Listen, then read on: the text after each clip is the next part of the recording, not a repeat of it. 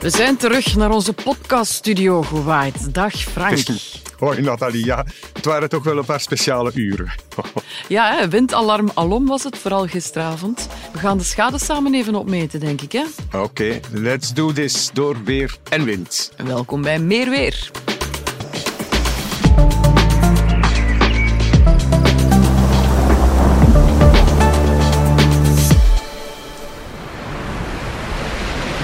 Ja, Frank de Bozere, waaide het ook zo stevig aan jouw raam? Uh, ja, het heeft toch wel eventjes lelijk gedaan hoor. Het ging vooral, Nathalie, heel erg snel. Uh, ja. We hadden heel zachte lucht met temperaturen 13 graden. En dan die wind die plots vleugels kreeg. Dan was er de doortocht van een, een koufront met veel regen, dus twee verschillende luchtsoorten. Eventjes een paar opklaringen met spectaculaire regenbogen op veel plaatsen. En dan een intense buienlijn. Het is vooral die buienlijn, daar is het er uh, hevig aan toegegaan. Ik denk dat wij alle twee aan de oostelijkere kant van het land wonen. En dat was inderdaad hier en daar een zeer stevige windvlag. Mm -hmm. Maar de andere kant van het land heeft meer last gehad van die storm Louis. Hè? Ja, ja, ja. Dus uh, Louis is inderdaad een naam. Het was vooral voor het uh, westen van het land. Uh, Storm Louis, een naam gegeven door mijn Franse collega's, mensen van Meteo France, zeg maar het Franse KMI. En, en ja, ze gebruikten daar de term kanaalrat. Ja, ja. ja, het ging om een rat blijkbaar. Ja. Wel, dus een rat, dat is een geniepig ding dat dus zijn werk doet. Moeilijk op te sporen. Uh, je wilt dat niet meemaken. Meestal hebben stormgebieden hebben die diameters van een paar honderden kilometer. Dus dat zijn logge beesten die door hun omvang, ja, die, die zien we lang aankomen van vooraf aan, worden goed opgepikt door de weercomputers.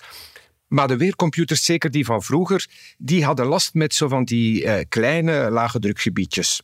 Vroeger eh, gingen die door de mazen van het, uh, van het net. En, en vandaar dat het vroeger soms kon gebeuren dat je plots opeens totaal niet verwacht een storm kreeg. Heel ja. kort, heel hevig. Tegenwoordig zijn onze computers al zo goed, onze weermodellen zo goed, dat we fijnere berekeningen kunnen maken. En, en dus onze rat die in de tijd ja, door de mazen van het net glipte, die zien we nu wel. En dus we, we wisten het wel dat die ging komen. Louis bewoog heel snel, meer ja. dan duizend kilometer op één dag tijd. Er waren wel wat rondvliegende dakpannen, uh, heel veel parken gingen op slot. Mm -hmm. Waar was die rat het hevigst? Wel, uh, vreemd genoeg, top of the bill in Kleine Brogel, daar hebben ze rukwinden gemeten tot 115 km per uur. Ukkel haalde ook 114 km per uur. Floren, luchtmachtbasis daar, 108. Diepenbeek zat aan 100, Bijtem aan 97 km per uur. En aan de kust was dat zo 90 tot 95 km per uur. Wat vooral opviel, Nathalie, was dat het heel, heel kort was.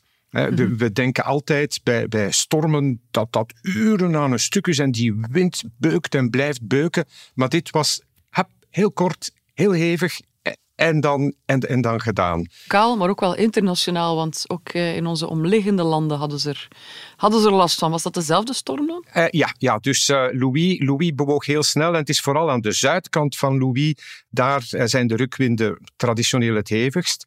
Nu, gemiddeld gesproken ja, we hadden hem misschien wel iets heviger verwacht. Uh, mm. We gingen in de Pyreneeën naar 122 km per uur. Langs de Atlantische kust van Frankrijk en zeker Pas-Calais was dat 100 tot 120 uh, km per uur. Noordwesten van Duitsland ook 100 tot 120. Nederland die bleef vreemd genoeg een beetje buiten schot. Dus ja, kanaalrad, Goh, je kan je natuurlijk de, de vraag stellen, moeten we het daarover hebben? Ja, zo'n kanaalrat, dat is niet meer een beetje dan een toeval. We zouden evenzeer kunnen spreken over, uh, weet ik veel, een, een, een kemperrat of een Benelux-muis of een, of een Alpenolifant. Termen komen trouwens niet van mij. Uh, collega van het KMI, Karim Hamid, uh, die, die zei van, goh, laat ons misschien de, de term kanaalrat toch maar een beetje vergeten.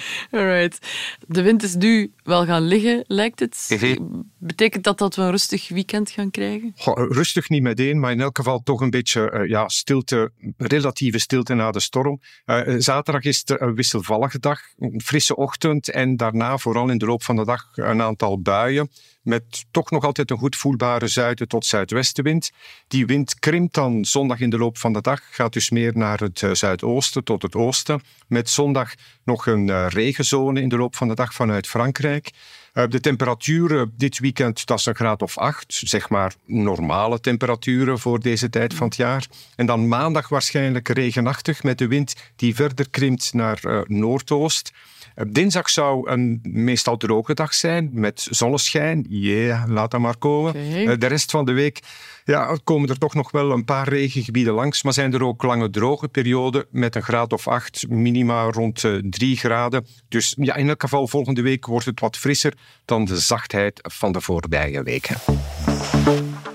Ondertussen gaan we richting eind februari. Zo snel gaat de tijd. Uh, dat is eigenlijk nog altijd putje winter, maar dat zou je niet zeggen. En ook daar heb je cijfers over, Frank. Wel, uh, ja, de prijzen worden pas aan de meet uitgedeeld, maar uh, het is nu al duidelijk dat het in zijn geheel een superzachte februari maand zal zijn. Mogelijk recordzacht. Het, wordt een spurt, maar dus het record van zachtste februari maand uh, dateert van februari 1990 met 7,9 graden. Het zou me niet verwonderen dat we daar nu een beetje boven zitten, want ja, vrieskou we hebben in februari geen vrieskou gehad. In Ukkel, uh, laatste vrieskou was 27 januari 2024. Min 0,2 graden heeft het dan gevroren. Dus ja, ja, we hebben echt een, een anti-winter februari maand gehad. En een erg natte februari maand. Met mhm. nu al uh, ja, zo'n 100 mm neerslag in de pluviometers. En februari loopt nog wel een paar dagen. In het westen van het land een beetje meer regen was ook een maand met vrij veel wind, maar vooral ook, en dat voel ik aan mijn systeem, een uh, uiterst sombere februari. Dus als je last hebt van uh, winterblues, één schuldige misschien, het weer. Want in een gemiddelde februari maand hebben we 73 uur zonneschijn. Wel, Nathalie, we zitten nu aan een kleine 25 uur, dus somber tot en met. Laten we maar hopen op een zonnige maand maart dan. Ja, ehm, inderdaad. Maar als het dan de zachtste februari is, maakt het dan ook de zachtste winter? Wel, ja, één van de zachtste. Hè. Ik denk dat we top 5 gaan halen. Uh, goed, hè, uh, ja, er was dat winterprikje in januari. Het heeft dan zelfs eventjes een paar dagen gevroren. Ja, maar als je dus de hele rekening maakt, hè, de weerkundige winter, dat zijn de maanden december, januari en februari samen. Uh, wij beginnen op een eerste van de maand en eindigen op een, ja, nu 29 februari. Dus wij maken een weerkundige winter, geen astronomische winter. Maar dus top 5. Ik denk dat we zo'n 2 graden boven het gemiddelde van de laatste 30 jaar zullen zitten. En voor het natte winter, mogelijk uh, top 10 van de natste winters sinds 1833. En ook een sombere winter, Nathalie. Ja, uh, we hebben dus zon nodig. Hè.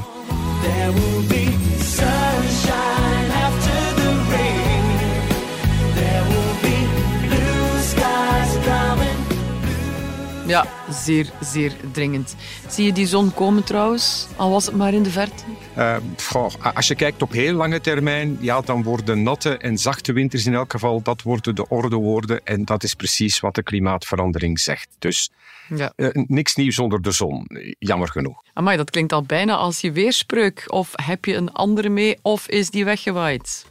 Ik, ik, ik heb er een andere mee. Ik neem je mee naar vroeger, Nathalie.